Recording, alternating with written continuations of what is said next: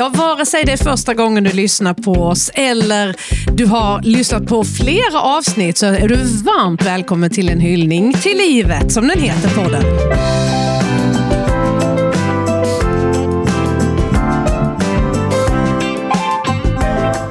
Och som alltid är vi lika taggade. Jag som heter Helene Wish Persson och min kära vän. Ja, Åsa Scharin som alltså, jag fick i alla fall inte tunghäfta den här gången. Det var mest att jag liksom tänkte på något helt annat. Du minns hur det var först, alltså senast? Nej, då fick Ja. du tunghäfta. Ja, jag kunde inte prata. Nej, men det, det har vi Det är rätt ovanligt. Det är väldigt ovanligt. Jag var väldigt, jag kände mig nervös efteråt. Du, Det var så, alltså, Visst är det ändå en förmån att vi får träffas så här och, och ha den här podden tillsammans, du och jag. Och vi gör ju den för eh, Sveriges eh, auktoriserade begravningsbyråer.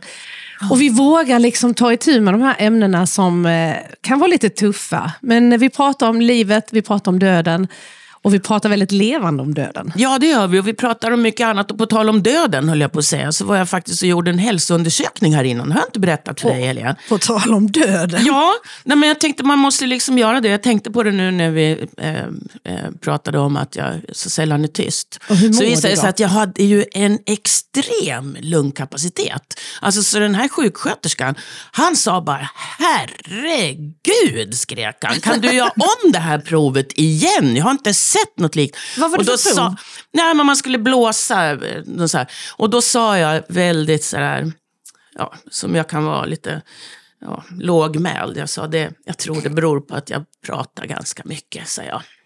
Sen var det klart med det. Så nu vet vi det. Och, och i övrigt, förutom lungkapaciteten, Ja, det var så allt som bra det så. ska? Ja, det var så bra så. Och det, på, på det temat så har vi ju en gäst idag. Fantastiska Ingrid Meckel som är just specialistsjuksköterska. Visserligen då inom palliativ vård och ASIH eh, i Kristianstad. Så det, jag, Fast det spelar ingen roll. Nej, vi är ju spelar- så glada för att du är här, Ingrid. Tack så jättemycket. Ni två har ju träffats innan. Ja, men det har vi. ja, det har vi. Ja, det har vi. Mm, för du höll ju föredrag när jag hade anmält mig till en kurs i Ja. Svenska kyrkan. Där vi skulle samtala om döden. Och du var där som en av föreläsarna. Ja, den enda. Jaha. Just, just det tillfället. Ja. Är det någonting som du brukar göra? Åka ut och berätta om din, ditt arbete så att säga? Ja, men det gör jag. Både i, ehm, alltså man säger för nyblivna sjuksköterskor så pratar vi. Och eh, även för då de här äldre personerna är det. Eh, och det är kommunens eh, äldrepedagog som ordnar det i Kristianstad. Så den heter Våga prata om döden. Och jag var så otroligt imponerad över eh, ditt föredrag. Eh, dels för att du gjorde det på ett fantastiskt sätt och sen också, jag hade ingen aning om vad det innebär det här med palliativ vård. Och alltså, så många människor som är på gränsen till att dö, som faktiskt inte går att rädda och som ni tar hand om på ett fantastiskt sätt. Och det ska du få berätta om. Tack. Men Ingrid, jag tänker om vi börjar med, du är eh, en kvinna mitt i livet. Hur, hur gammal är du? Eh, 45. Ja. Och har jobbat som eh, sjuksköterska i många år eller? Ja, det börjar bli några år nu. Jag var färdig 06. Så det är ju snart 20 år. Bor eh, i Kristianstad här i Skåne och jobbar också på den palliativa vården och ASIH, Ja, precis. den enheten där. Ja. Som jag faktiskt har besökt som närstående. Jag träffade inte dig då, men eh, säkert någon av dina kollegor. Säkert. Men eh, Vad är ASIH? ASIH står för avancerad sjukvård i hemmet. Och eh, vi bedriver ju specialiserad palliativ vård eh, hemma för patienter som vill vårdas i hemmet till livets slut. Vi eh, vårdar dem även om de behöver bo på ett vård och omsorgsboende och inne på palliativvårdsavdelningen om det behövs. får man välja det själv? Eh, nej, inte fritt, utan det är ju en medicinsk bedömning som görs. Eh, det kan finnas eh, anledningar till att man inte kan vårdas i hemmet ända till livets slut. Och hur mycket har den närstående, eh, om man har någon sån, eh, de- del i det beslutet? Eh, ganska stor del, för vi vet att kan inte närstående av någon anledning Sköta om det. Ja, eller orkar. För det är ganska tufft eh, att vara närstående. För det är 24 timmar om dygnet. Även om man har all hjälp som går att få hemma så, Mm. så är det tufft att vara närstående. Man befinner sig ju själv ofta i ja, både i sorg och kris kanske och eh, det, blir, det blir tufft. Mm. Mm. Vad innebär det med, med palliativ vård? Alltså, vad, vad är skillnaden egentligen? Jag tror det är också faktiskt många kanske inte riktigt har koll. Den palliativa vården eh, träder ju in när det inte längre finns någon bot för den sjukdomen man har drabbats av. Eh, så det kan ju vara en ganska lång period. Och vad innebär lång period? Det kan ju vara flera år. Ah. Men om man säger ett sätt att, att vårda då jämförelsevis med om man ligger på sjukhus eller så. Alltså, vilka är hörnstenarna i den palliativa vården? Alltså vi jobbar ju framförallt med symptomlindring. Eh, vi, eh, eftersom det inte går att bota sjukdomen så har vi ju mycket insatser i början där man kanske satsar på livsförlängande åtgärder. Patienterna får ofta cytostatikabehandlingar, operationer. Ehm, man gör mycket för att förlänga livet ehm, i den tidiga palliativa fasen. Sen så är det ju en, en, en process där man kommer fram så småningom till eh, olika brytpunkter när man ser att den här, de här livsförlängande åtgärderna kanske inte har eh, så stor effekt längre eller det gör mer skada än nytta. Eh, och då går man liksom in på ett annat spår där man mm, fokuserar mer på bara symptomlindring. Men vad händer om någon säger nej, jag vill inte ha mer palliativ vård? Eh, vård är alltid valfritt. Det är så. Så länge, så länge Så- man är förmögen att beslut, ta beslut själv och förstå konsekvenserna av det. Mm, Okej.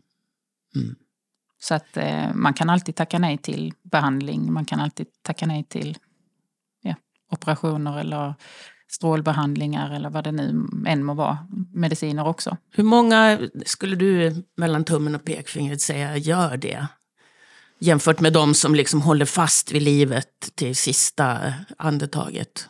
Jag tror att merparten eh, vill ha både livsförlängande och eh, ja, livsförlängande behandlingar. Mm. Det skulle jag säga. Men betyder inte det också att det där eh, sista hoppet aldrig lämnar en?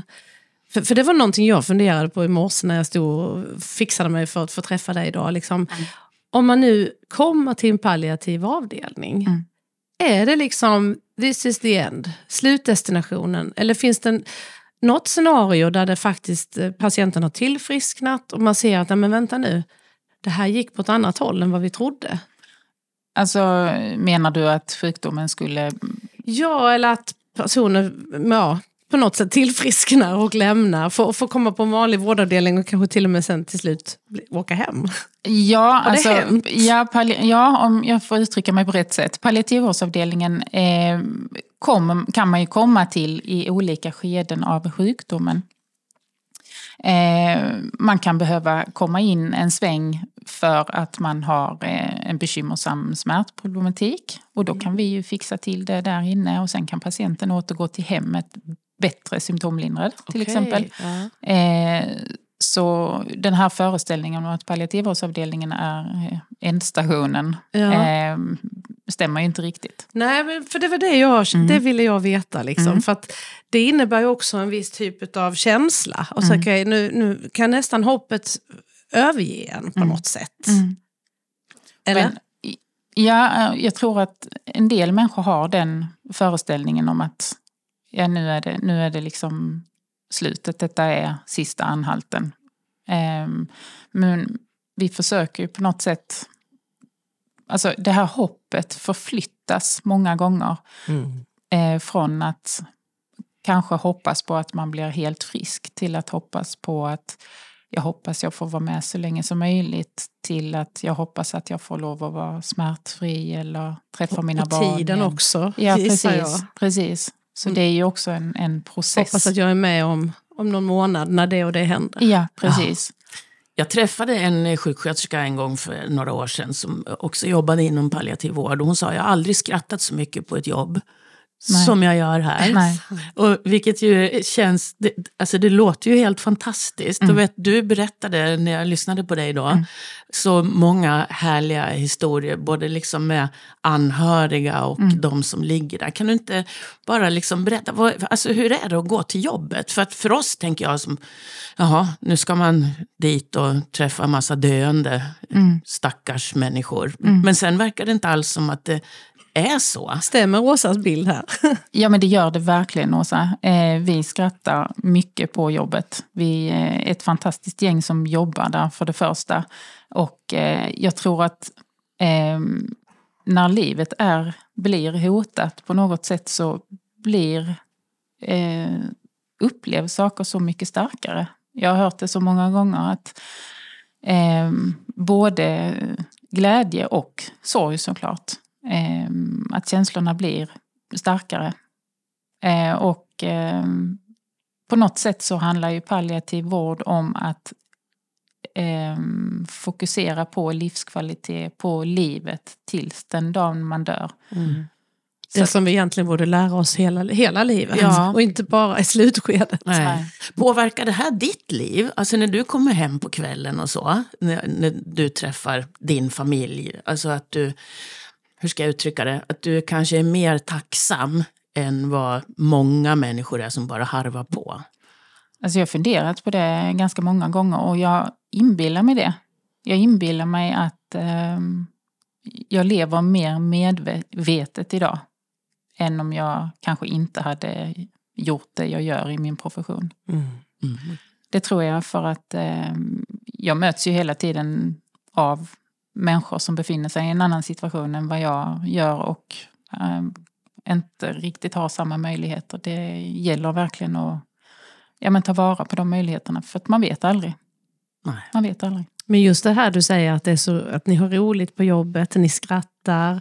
Eh, för en fråga jag hade tänkt att ställa var att hur orkar du gå till jobbet? Men det, nu har jag ju nästan fått svar på det. För att det, det finns ju en, en väldig glädje också som driver dig. Men jag tänker så här, vilka muskler behöver man ha? Eller kanske egenskaper som sjukskötare eller sjuksköterska för att vara på just en palliativ avdelning? Jag tror att man behöver ha ganska mycket mod. Eh, att våga vara i de här svåra stunderna som det faktiskt eh, blir. Eh, för att kunna lindra patientens ja, men, oro eller ångest eller tankar, smärta. Eh, jag tänker att man behöver också ha en, en eh, ja vad ska jag säga? Det är så svårt här för att jag har tänkt på det så många gånger också. Vad är det som gör att jag har valt mitt yrke och eh, jobbat med det jag gör eller jobbar med det jag gör och faktiskt älskar det. Och jag tror också att det handlar om alla våra möjligheter som vi har inom den palliativa vården att just lindra. Berätta om några av de möjligheterna så vi får en bild. Eh, vi har ju jättefina möjligheter att ge smärtlindring, eh, ångestlindring, all, allsköns mediciner i olika kombinationer som är en, en, en betydelsefull grund i den palliativa vården, att kunna lindra olika sorters lidande med olika läkemedel. Men vi har ju också eh, rust, alltså möjligheter att lindra med icke-farmakologiska eh, saker som ja, men samtal, lite massage, lite musik. Eh, Lite vin. lite vin, absolut. Du, Det fick jag vara med om när jag var där och hälsade på min vän. Mm. Och han fick allt han ville ha. Mm. Alltså det var, det var helt fantastiskt. Vi Och ni- sparar inte så mycket. Inte Nej. något. Nej. Och det, var liksom, det kändes som att ni var väldigt... Pålästa låter ju fel, men det lät som att ni var lika goda vänner med honom som jag var. Mm. Och under den här tiden som han fanns hos er så hade ni liksom hunnit känna av och, Mm. och förmodligen massa samtal. Mm. Och det handlar ju för att kunna vårda på ett bra sätt så behöver man ju veta vad är, vad är bra för den här personen. Mm. Sen är vi ju ett fantastiskt team. Vi har ju, det är ju en läkarledd verksamhet. Eh, men vi, det är ju, alla professioner är ju lika viktiga. Så det är ju sjuksköterskor, undersköterskor, vi har egen kock som lagar all mat. Fantastiskt. Ja, är- Viktigt för livskvaliteten. Alltså, jag vet inte vad du, vad du säger, Åsa, men du, du, du om någon läser mycket eh, vad heter det? Eh, begravnings... Dö- dödsannonser. Eh, dödsannonser. Ja, Och hur ofta är det inte att det skickas ett extra tack eller en extra ros till den palliativa vården? Det måste Ja, ni väl känna? Att ni är sedda och omtyckta? Ja, men det gör vi. Det gör vi. det kan jag förstå. Ja. Jag kommer ihåg när du pratade om smärtlindring. Eh, då när jag träffade dig första gången och du höll föredraget så sa du att oro ökar smärta. Mm. Det gjorde jag faktiskt en notering om här för att eh, det hade jag ingen koll på. Nej. Berätta om det. Men all, alltså, människan är ju en helhet. Eh, alla symptom påverkar varandra på något sätt. Och varje symptom är ju en påminnelse om att man är sjuk. Så är du väldigt orolig så kan det förstärka smärtan och vice versa. Oro förstärker andnöd, andnöd förstärker ångest. Det blir är ju som en så. ond spiral. Det blir som en ond spiral. Det känns som eh, att ni har en helt annan helhetssyn på människor än vad jag... Nu, nu, det här är kanske bara på, men när man pratar med folk som har varit hos sin husläkare eh, och de kan känna liksom att de kanske inte får det de behöver och så, så känns det för mig, eh, det här är ju min helt personliga uppfattning, att där, de ser inte helheten. De ser inte människan på samma sätt som en helhet som ni verkar göra. Jag tror att vi, vi har ju en egen vårdfilosofi inom den palliativa vården, även om jag tycker att den borde användas i, i all vård, Hela ledet ja. i hela ledet. Eh, Men människor som befinner sig i livets slutskede är ju väldigt sårbara. Och det är ju, det är ju en existentiell kris, ett existentiellt hot att, att veta att man snart ska dö. Och då behöver man ju ta hand om de delarna också som, ja, som oro, och ångest och rädsla över det. Jag förstår hur du tänker Åsa, för att de här, jag kan ju bara applicera det här på min mamma till exempel som har eh, oro och hon har smärta. Mm. Och, och liksom hur hon bara har en husläkare än så länge att gå till. Mm. Men, eh, och där känns det mer som att Nej, men nu får du 20 minuter, sen har jag inte tid med dig, sen ska jag gå på nästa, Mm. i nästa telefonsamtal. Alltså det är ett, ett, mer ett ackordtänk. Mm. Eh, men att ni har andra muskler Mm. och resurser. Ja, men det har vi. Det har vi. Men varför, varför har man det först i slutskedet? Alltså, vi ska ju ha det hela livet. Ja, tänker jag. igen, jag tänker också det. Och Ja. jag vet, jag satt verkligen helt tagen av, Kanske av när vi dig föds. när du pratade. Ja, men precis. Alltså, på BB, där finns också väldigt mycket... Alltså, skulle det hända någonting i livets början, då finns det muskler. Men sen hela livet emellan. Mm. Eller? Håller Nej, du men- med? Ja, men det gör jag ju. För jag pratar ju mycket med, med sjuksköterskor som jobbar ute inom akutsjukvården. Och där finns inte riktigt samma resurser. Eh, man har ett annat tänk. Där är det framförallt fokus på att rädda liv. Mm.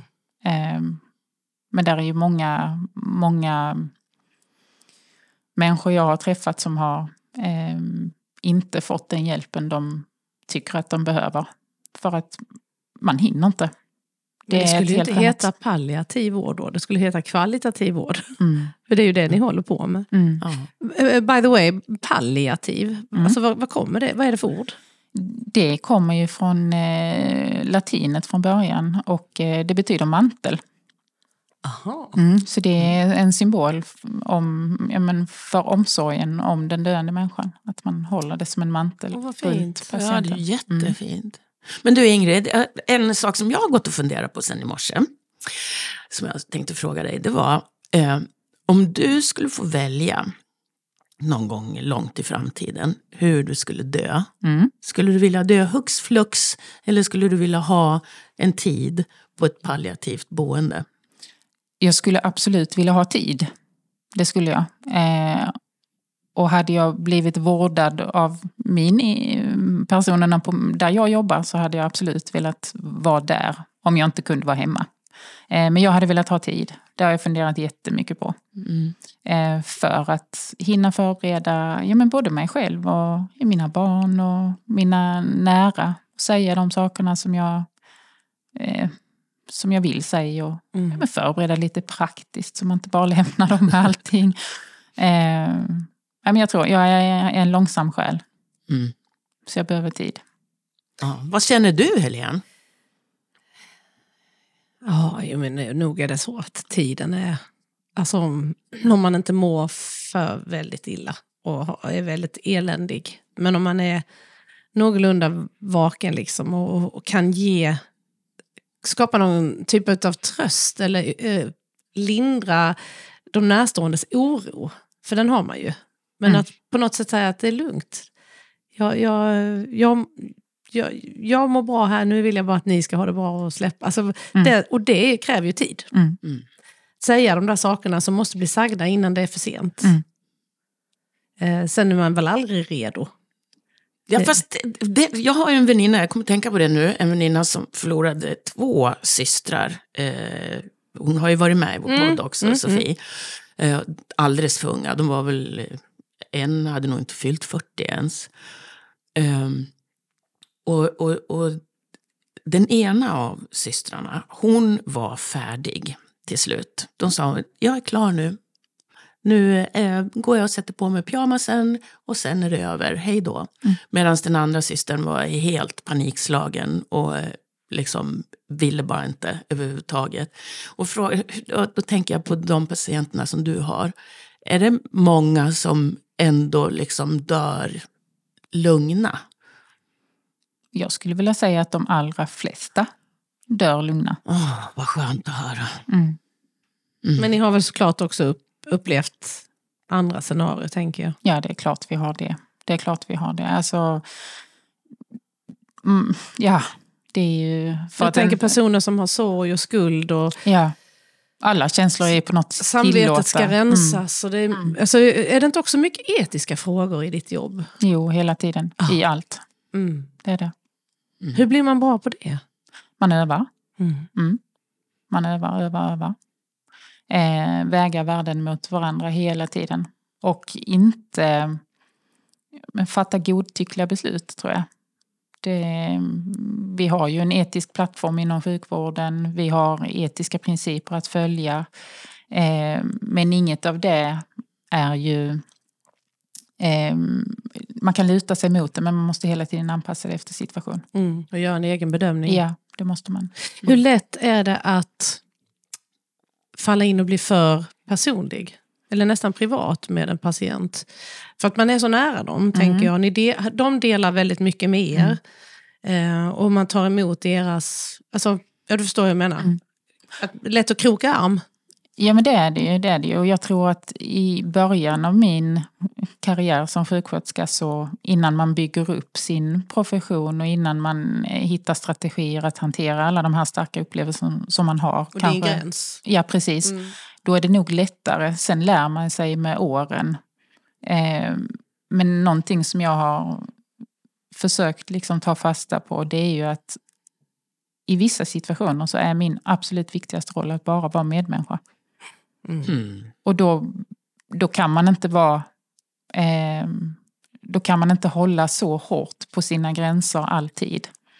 Utan man behöver ibland dela med sig av saker. Eh, för att patienten ska kunna känna att jag är också mä- bara människa. Och, och behöver därmed inte heller vara så himla perfekt. Nej, nej, nej absolut inte. Man klär liksom av sig sin sjuksköterskeuniform och blir bara medmänniska. Och det, det tycker jag personligen att jag,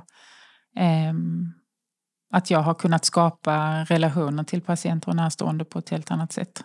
Och det är naturligtvis otroligt värdefullt, förstår jag. Såklart. Jag tänker, de allra flesta som är hos er är ju gamla. Väl? Ja, Men det- det, är ju- ja Men det, det finns ju barn också förstås. Och, ja. så är det. Mm. Min vän hade inte följt 40. Nej. Och sen var det väldigt speciellt därför att han hade sin pappa samtidigt på samma avdelning. Mm. Och det förstår jag, alltså många sådana unika situationer som ni har fått vara med om. Mm. Där det Visst det känns så. helt horribelt. Liksom. Ja. Jo, men så är det i vissa, vissa människor glömmer man ju aldrig. Nej. Så är det. Som tur var så har vi inte allt för många barn inskrivna. Ehm, och det som du säger Åsa, de flesta är ju, är ju lite till åren komna i alla fall. Med, med ålder ökar ju risken för att utveckla olika typer av sjukdomar. Men, men visst, visst händer det. det. Det drabbar ju blint. Det Mm. gör det. Alltså jag gillar inte det här med ålder, har jag kommit på nu. Alltså jag tycker inte det är roligt att bli äldre. Nej, det är faktiskt inte roligt. Någonstans. Nej, och jag kommer ihåg min pappa ringde till mig, han är död nu. Men han ringde mig eh, för några år sedan och sa, det är inte roligt att bli gammal. Nej. Varför, varför måste vi bli det? Ja, det, det är en bra fråga. Det är ju en Alltså, bra fråga, Åsa. ja, Och jag har inget svar. nej. Alltså, betyder det att vi måste bli ledsnare med åren bara för att vi blir gamla? Åh, vad filosofisk jag blev nu. Men Nej. kan ni svara på det?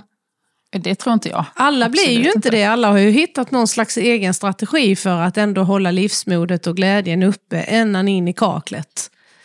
Och där är vi ju helt olika bestyckade. En del är eh, skapta med mer sorg och mer oro och, mer glaset är som sagt, här står jag med ett halvfullt eller ett halvtomt. Vinglas med vatten i. Ja, nej men alltså det är ju genetik i det här väl, Jo, tänker det jag. ju. Hur vi är uppbyggda, vårt DNA. Ja, men det tror jag också. En del människor har ju förmågan att kunna se positiva saker i nästan precis allt. Ja men också ha turen att ha liksom fått vara friska hyfsat och tagit hand om sig. Och 80 år ut och springer och ser ut som en atlet som kunde lika gärna varit 45. Alltså så, se, så ser ju inte allas liv ut. Nej, och på tal om det så stod det så sent som idag i tidningen att man hade kommit fram till att eh, det här med ensamhet gör ju att människor blir sjuka och mår dåligt. Och det räcker, med, håll i er nu, det räcker med att de får träffa en människa i månaden för att det ska ge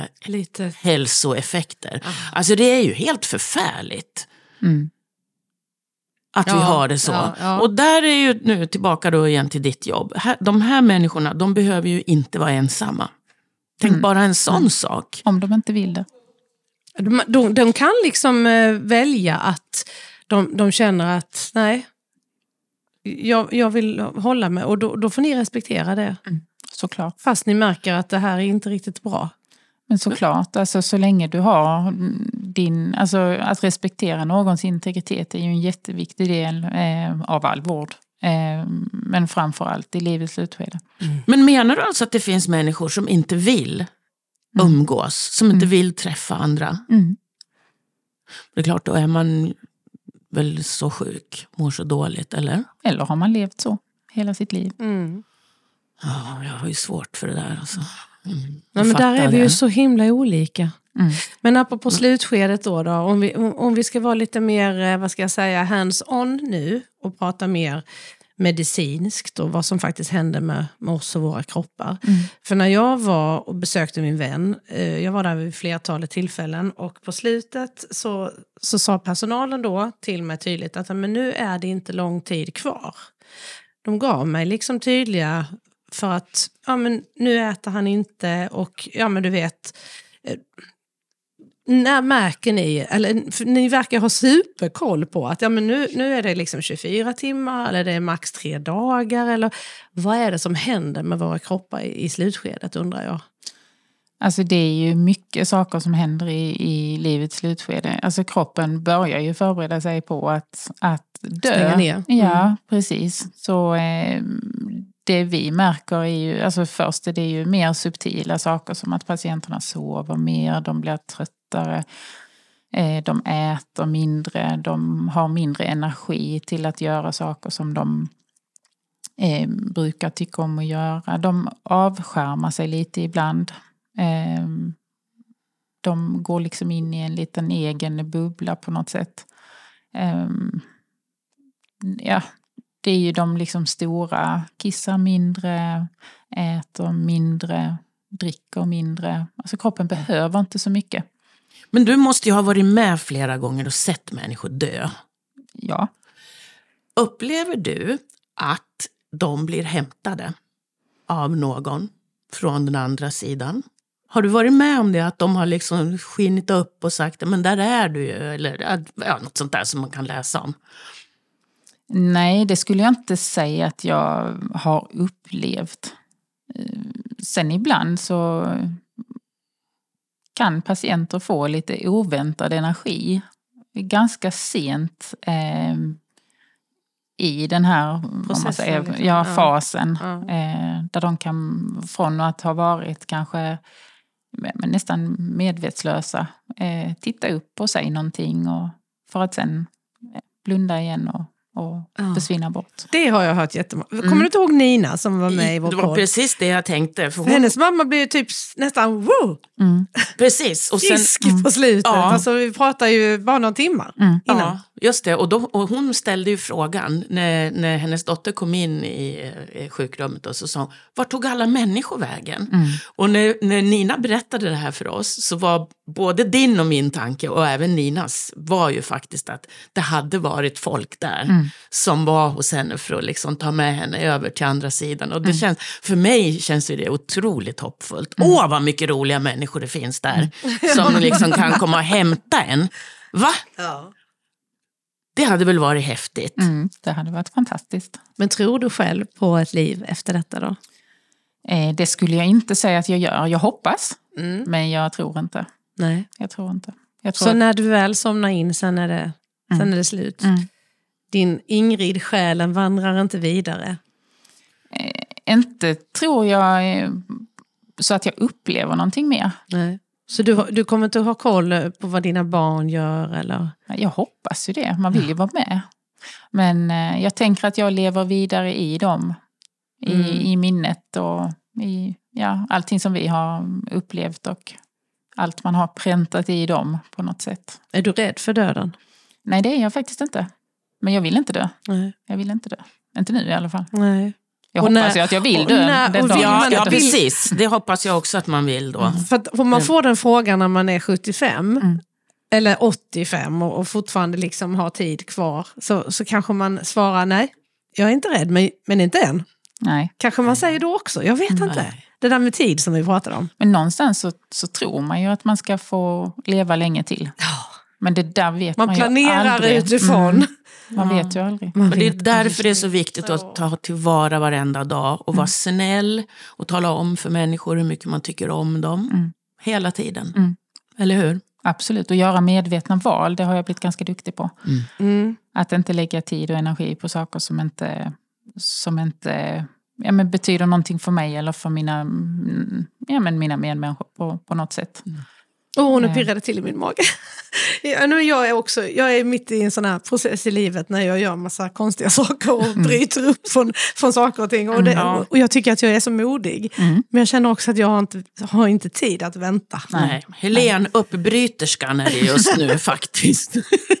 Men det är någonting ja. som jag också har tänkt på är rädsla.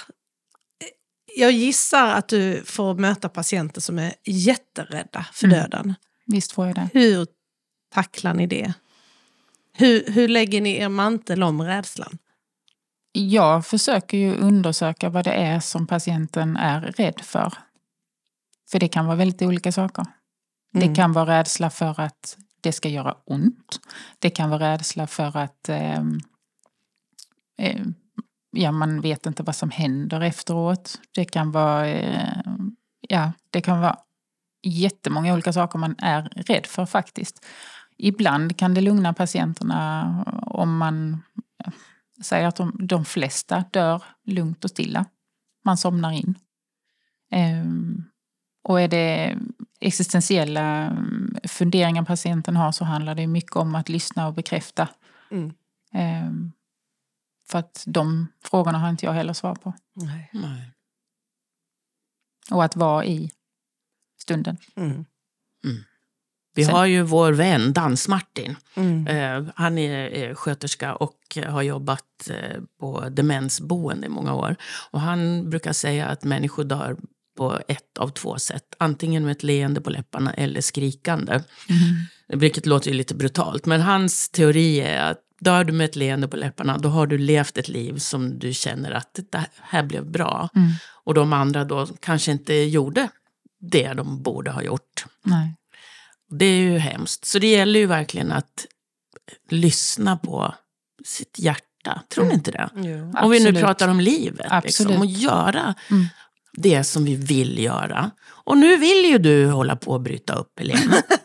Ja, ja. Det, men det, man är för nyfiken för att inte göra det. Ja, Så, ja, så som snarare. Du, exakt, så om du inte hade gjort det. Men det kostar ju också så på vägen. Alltså, det måste ju kosta någonting för att vinna någonting annat, så är det väl? allt har ett så. pris. Ja. Mm. Men du, jag tänker på, om man nu det här med ASIH, eh, eller palliativ vård, får man det bara sådär? Eh, liksom sker det, nu tänker jag vårdköer och jag tänker, men nu har jag faktiskt min man här, han ligger och jag orkar inte. Alltså, rent praktiskt, eh, är det en svår karusell? Får man plats till exempel? Finns Alltså, det jag- plats till alla? Eh, det finns, alltså man skiljer ju på allmän palliativ vård och specialiserad palliativ vård. Och jag tror att vi står för ungefär, vi vårdar ungefär 10-12 procent av de personerna som dör i Sverige varje år. Så vi är en ganska liten del. Mm. Eh, men alla människor har rätt till en god palliativ vård oavsett var man vårdas. I hemmet eller på? Eller på sjukhus. På sjukhuset. eller på ett vård och omsorgsboende. Mm. Utan vår inblandning så har man rätt till en god palliativ vård. Och det är jätteviktigt Att man får vin. budskap Mm. som du ger oss här. Att man får vin. Ja, Det tycker jag också. ända in i kaklet vill jag kunna... Redan på ålderdomshemmet Ja. tänker jag att Mm. vi börjar Absolut. med det. Det är Mm. livskvalitet. Ja, ja, det är det. Jag håller ju på att läsa nu de här böckerna Torsdag, Torsdagsmordklubben. En eh, brittisk författare. Är det är så kul. Det är fyra pensionärer som bor på något sånt där. Alltså, det första man ser när man kommer in, det är baren. Så sitter de där och det är liksom en gammal polischef och lite såna här olika som löser massor med mordgåtor. Och sen ska de ta livet av varandra eller? Nej, eller de Nej, det är, löser- alla andra dör, inte de. Ja, det är väldigt roligt. Men jag tänkte just så jag tänkte så här, sånt pensionärsboende vill jag också bo på. Men Åsa och jag har sagt att vi ska skapa vårt eget pensionärsboende. Ja, Och där ska vi ha Ingrid med som vår specialistsjuksköterska, tycker jag. exakt. Det känns Inom som att jag kommer vara ganska gammal då. Nej, vi är Ja, ju det var äldre ju väldigt snällt sagt. Ja, nej. Ja, kan gå fortare än vad du tror. ja nej, det vill vi Lyssna på absolut hon inte. Men... uppbryterskan. Uppbryterskan, eller hur? Ingrid, alltså detta, vi skulle kunna hålla på hur länge som helst. Men vi har ju två väldigt bestämda män bakom oss här. Det är de som är Stefan våra... och Tobbe. Mm, som, eh, ja, det är de som gör allting kan man ju säga. Och de, de blänger lite nu. Exakt, de blänger och sen så håller de på och så visar de upp x antal fingrar och så. Så att nu är det på det här sättet, Ingrid, att eh, Sveriges auktoriserade begravningsbyråer, eh, som vi gör den här podden för, de har givit ut ett, eh, en kortlek som heter Ett levande samtal. Som faktiskt är himla kul. Och då ska du få dra ett kort här.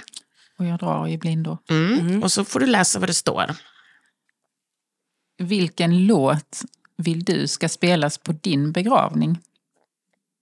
Mm. Är det en fråga till mig? Ja, Ja, det är en fråga till dig. Alltså jag kan ju absolut svara att det blir någonting med Ulf Lundell. Ah. Sen har, sen har han ju en, en eh, låtskatt som är svår att... eh, Plocka bara en. Ja, det är det. Så att, eh, jag har ganska många alternativ. Och jag har funderat ganska mycket på det. Så du har ändå tänkt tanken? Oh ja, Ja. Jag, jag kan allt om min egen begravning. Oj, vad spännande. Aha. Men du, du, du kan ju ha många låtar. Ja, men det ska vara mycket musik. Och det ska vara fest. Mm. Ah. Det ska inte vara något eh, dystert. utan Inget det, tradigt Nej, det ska eh, firas den dagen. För Fira ett- livet som du Ja, levde. ja, Ja, precis. Just det, Precis. ett väl levt liv. det är fantastiskt. Det är helt underbart. En, en annan sista frågan då. Om man skulle vilja göra ett så kallat studiebesök. Det får man inte va? Om man inte har någon person att besöka. Jo, visst får man göra det. Om det är föranmält. Ja, det går bra. Vi har ju människor som kommer och hospiterar vårdpersonal och vi har även haft studentgrupper som har kommit och kikat på avdelningen så får man ju integritetssäkra eh, patienterna Men såklart. också Och- öppna förståelsen ut Ja. mot eh, vanliga människor. Att, att vi finns och att Ja. den här möjligheten är unik Ja. liksom, på något sätt. Ja, då vet vi Åsa. Då vet vi. Vi kanske skulle ta och göra ett litet studiebesök. Ja, men det tycker jag. Ja. Det tycker jag. Kan man få ta med ballonger? Det kan man säkert göra. Vi har haft allt från hundar till hästar. Till... Tar du ballonger så tar jag bag-in-box. Ja, ja. Och såpbubblor. Ja. Såpbubblor blir man glad av. Ja, men det blir man absolut. Ja, det är perfekt om man sitter och är lite ledsen. Då går man bara och hämtar sin såpbubble. Vi har inte så mycket regler. Vi gör lite som vi vill. och Det, känns- älskar vi, du Det här är ju helt Åsa. fantastiskt. Det är det enda stället i Sverige man kan vara på utan regler. Ja, Ja, lite regler har vi. men eh, vad skönt. Sa hon lite nervöst nu? inte, kanske någon av mina chefer som lyssnar. Ja, det Perfekt de avslutning på det här avsnittet. Ingrid Ja. Meckel, tack så hemskt mycket för att du var med i vår podd. Tack så jättemycket. Och lyfte din arbetsplats. Mm. Som, eh, Det är en fantastisk ja, jag förstår det. plats. Mm. Hälsa dina eh, fina kollegor Det ska jag göra. och eh, hoppas, vad, ska man, vad, vad, vad konstigt det blev, hoppas att vi ses, kanske inte just där. Nej. Eller ja, det eh, beror på länge. vilket, ja, nej, men med vi- ballongerna och Ja. boxvinet och bubblorna. Mm, ja, I så fall. Mm, exakt. Ja, men jag ser fram emot det. Det gör vi också. Ha en underbar fortsatt dag, Ingrid. Tack detsamma till er. Och tack till dig som har lyssnat. Fantastiskt att ha dig med i vår podd. Och vi hörs ju så, såklart snart igen Ja, Åsa, det händer ju nya gäster. hela tiden.